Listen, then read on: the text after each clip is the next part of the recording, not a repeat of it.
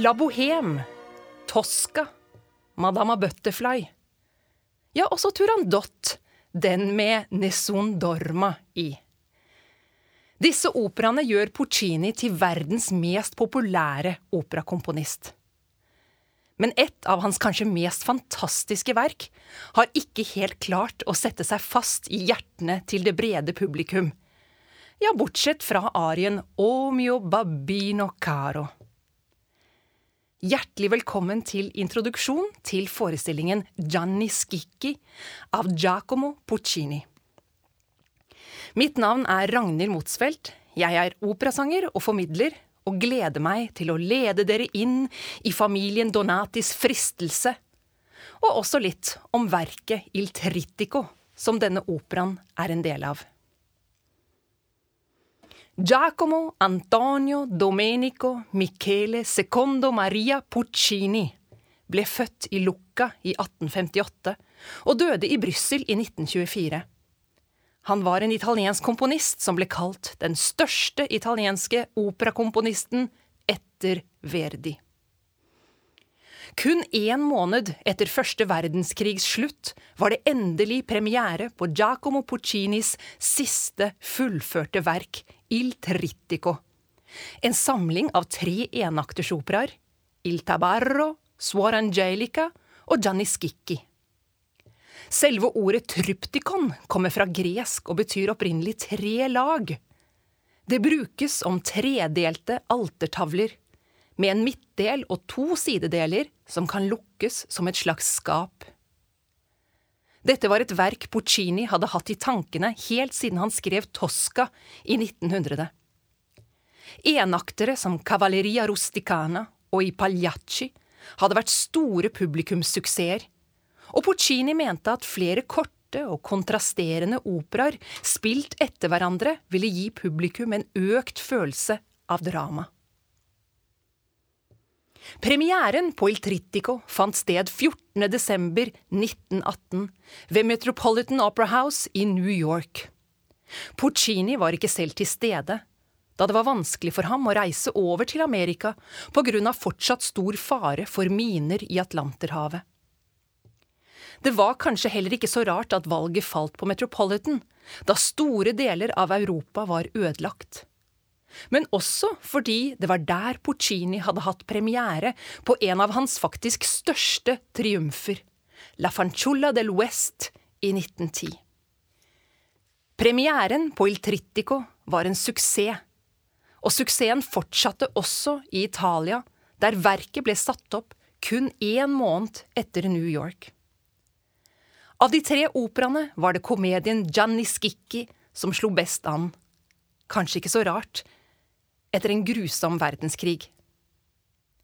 Det er tre regler som må følges innen teater. Få publikum til å bli interessert, overrask dem, og få dem til å gråte eller le. Dette var Puccinis kunstneriske prinsipp da han skrev Il Trittico. Den første av de tre operaene er den dramatiske Il Tabarro, eller Frakken som minner om det psykologiske dramaet i Tosca. Andre opera ut er Suor Angelica, eller Søster Angelica, like følelsesmessig intens som Madama Butterfly. Og så til slutt A Comic Relief, komedien Gianni Schicchi. Lett og glitrende som starten på La Bohème. Puccini ville i tillegg utforske tre utfyllende registre det tragiske, det lyriske og det komiske. I tre ulike epoker, satt i tre ulike steder og framstilling av tre kontrasterende miljøer. Arbeiderklassen i Paris rundt 1900, overklassen på 1600-tallet og godseiere i Firenze i 1299. Il Trittico er om mulig et av de vanskeligste verkene for et operahus å sette opp. Det er nesten flere roller enn i Wagners Ringen, som består av fire helhaftens operaer. Man trenger et forholdsvis stort orkester og tre ganske forskjellige scenografier. I den turbulente Il Tabarro trenger man en Tosca og en Cavaradossi samt en Scarpia, altså store, dramatiske stemmer. Suor Angelica trenger en butterfly-sopran, altså en lyrisk sopran, og også noe så sjeldent som en alt.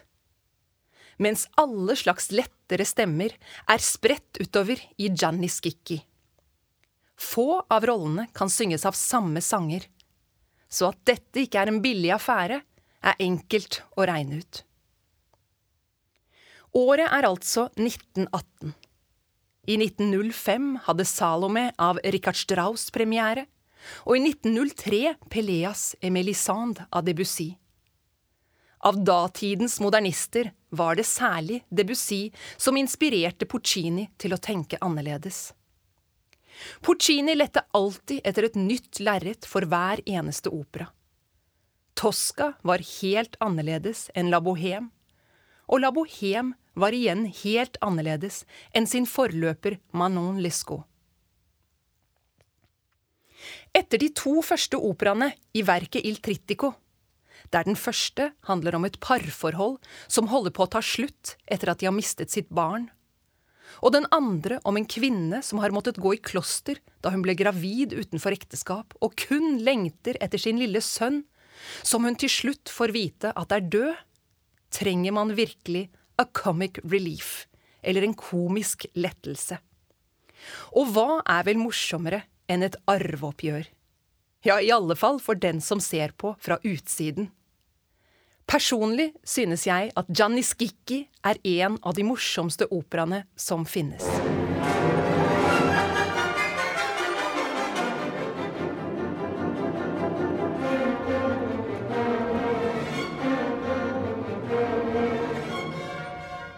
Familien står også sentralt i Gianni Schicchi. Men poenget med dette verket var ifølge komponisten selv å få le og å få andre til å le. Inspirasjonen til Puccinis eneste komiske opera kom fra en passasje i Helvete fra Dante Aligieris Den guddommelige komedie. Familieoverhodet Buozo Donati er en enslig, slesk, rik, gjerrig og usympatisk person. Og slektningene Simone, Zita, Betto, Gerardo og Rinuccio kan ikke utstå han men de har alle et stort håp om å slå kloa i formuen hans, og gjør derfor alt for å bli likt av ham. Plutselig oppdager de at Buozo er død. Like falske som de alltid har vært ovenfor Buoso, begynner de å konkurrere over hvem av dem som kommer til å sørge mest over ham. I dagevis, månedsvis, nei år, nei hele livet kommer de til å sørge over ham akkurat som om det fortsatt gjelder å bli mest likt av ham, selv nå som han er død.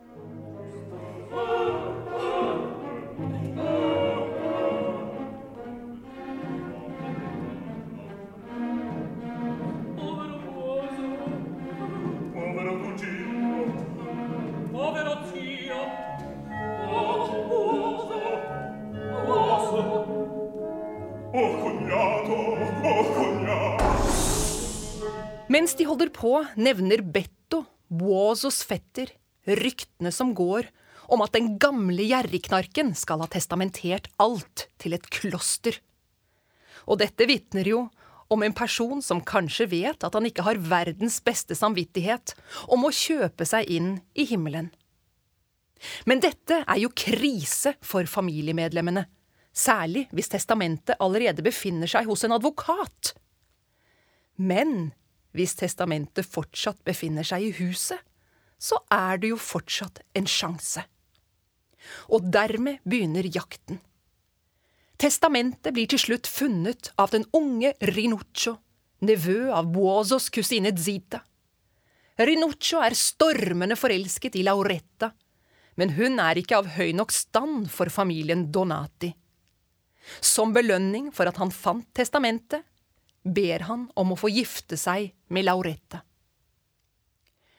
Testamentet åpnes, og ryktene har helt rett. Alt er testamentert bort til et kloster. Hvem ville noensinne trodd at man skulle gråte ekte tårer når Boazo dro til kirkegården, synger Zita. Men finnes det ingenting de kan gjøre, spør slektningene seg. Ingenting! Igjen er det Rinuccio som har løsningen. De kan jo høre med Gianni Schicchi. Gianni Schicchi er Laurettas far og blir av mange sett på som en skurk. Han er en som løser problemer, kan man vel si. Familien Donati vil helst ikke ha noe med bondeknølen Skikki å gjøre, men ser til slutt ingen annen løsning. Gianni Skikki er på sin side heller ikke særlig interessert i å hjelpe de griske og usympatiske familiemedlemmene. Men da vet Lauretta råd og synger den mest fantastiske sangen til sin pappa.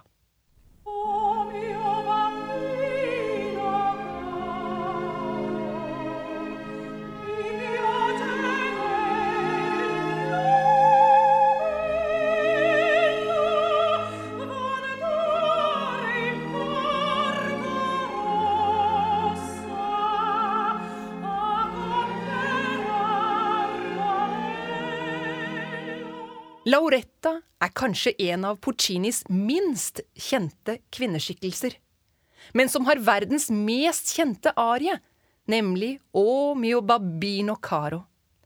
Den er også verdens mest misforståtte arie.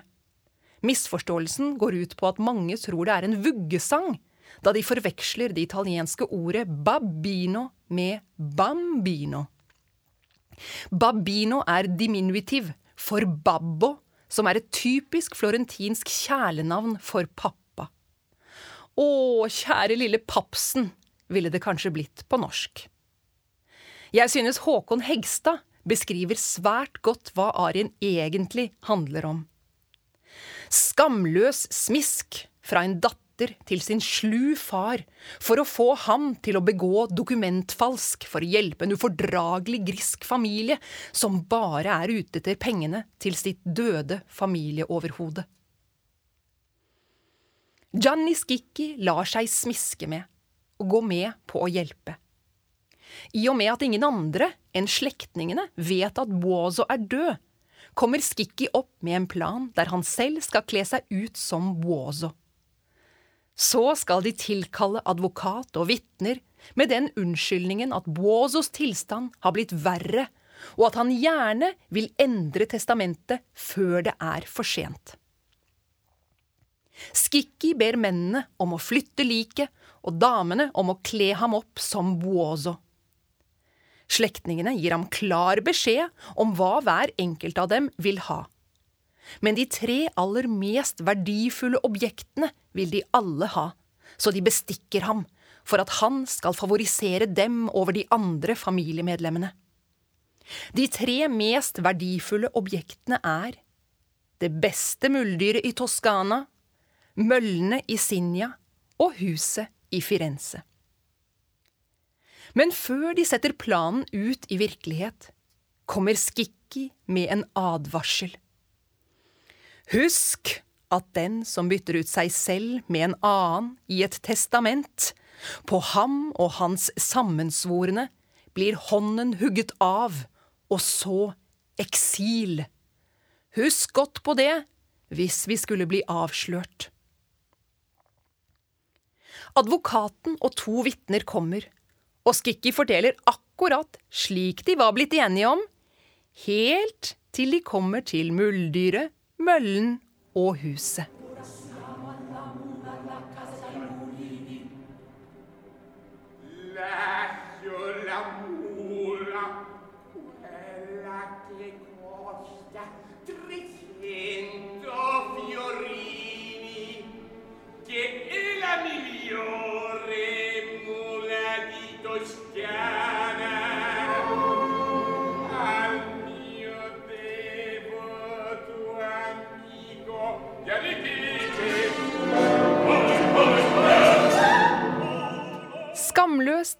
Gir han dem bort til sin kjære, hengivende Gianni Skikki. Og her blir det bråk. Men Skikki minner dem om hva som skjer hvis det skulle komme for en dag hva det er de har gjort. Skikki jager til slutt alle ut av Buozo Donatis hus, som nå er hans, bortsett fra den unge Rinuccio som blir hos sin Lauretta. I bunn og grunn så er det det unge paret som vinner, både pengene og lykken. Mens de slemme og grådige blir latterliggjort, og luringen Skikki får seg en god latter, men dømmes til helvetes flammer. Si meg, mine damer og herrer, avslutter Skikki, Buozos penger kunne vel ikke hatt en bedre slutt enn dette. På grunn av denne spøken sendte de meg til helvete, og det får så være. Men med tillatelse fra den store, gamle Dante, hvis dere har blitt underholdt i kveld, så ber jeg om formildende omstendigheter. God fornøyelse.